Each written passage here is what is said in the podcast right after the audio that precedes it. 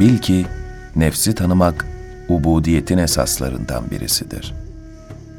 Onu tanıyanlar pek az olduğu gibi tanımayı arzulayanları bulmak da zordur. Allah Teala her iki dünyada da arife, nefisten daha dar, dehşetli ve kötü bir zindan yaratmamıştır. Kim nefsi gereği üzere tanırsa onun emirlerine muhalefet eder. Kim de onu tanımaktan gafil olursa o büyük bir tehlikeyle karşı karşıyadır.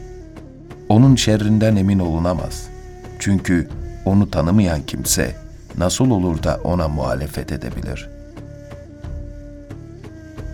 Bir haberde rivayet edildiğine göre Allah Teala dünyaya, Ey dünya! Kim bana hizmet ederse sen de ona hizmet et. Sana hizmet edeni ise kendi peşinde koşturarak yor buyurmuştur.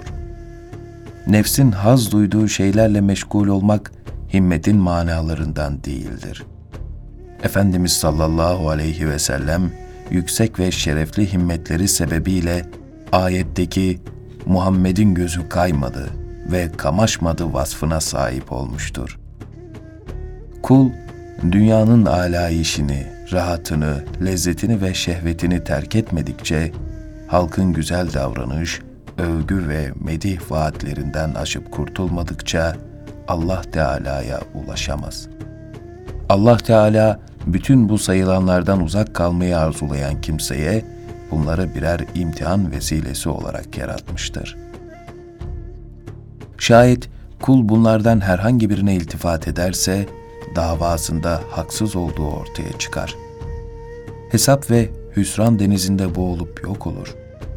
Nimetler sayesinde istidraç yapan niceleri vardır ki halktan mahcup, zıtktan gafil, nefsi tanımaktan cahildirler.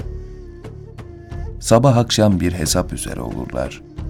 Arşın sahibi tarafından hiç de beklemedikleri hesaplarla karşılaşırlar. Allah Teala şöyle buyurmaktadır. Halbuki o gün onlar için Allah tarafından hiç hesaba katmadıkları şeyler ortaya çıkmıştır.''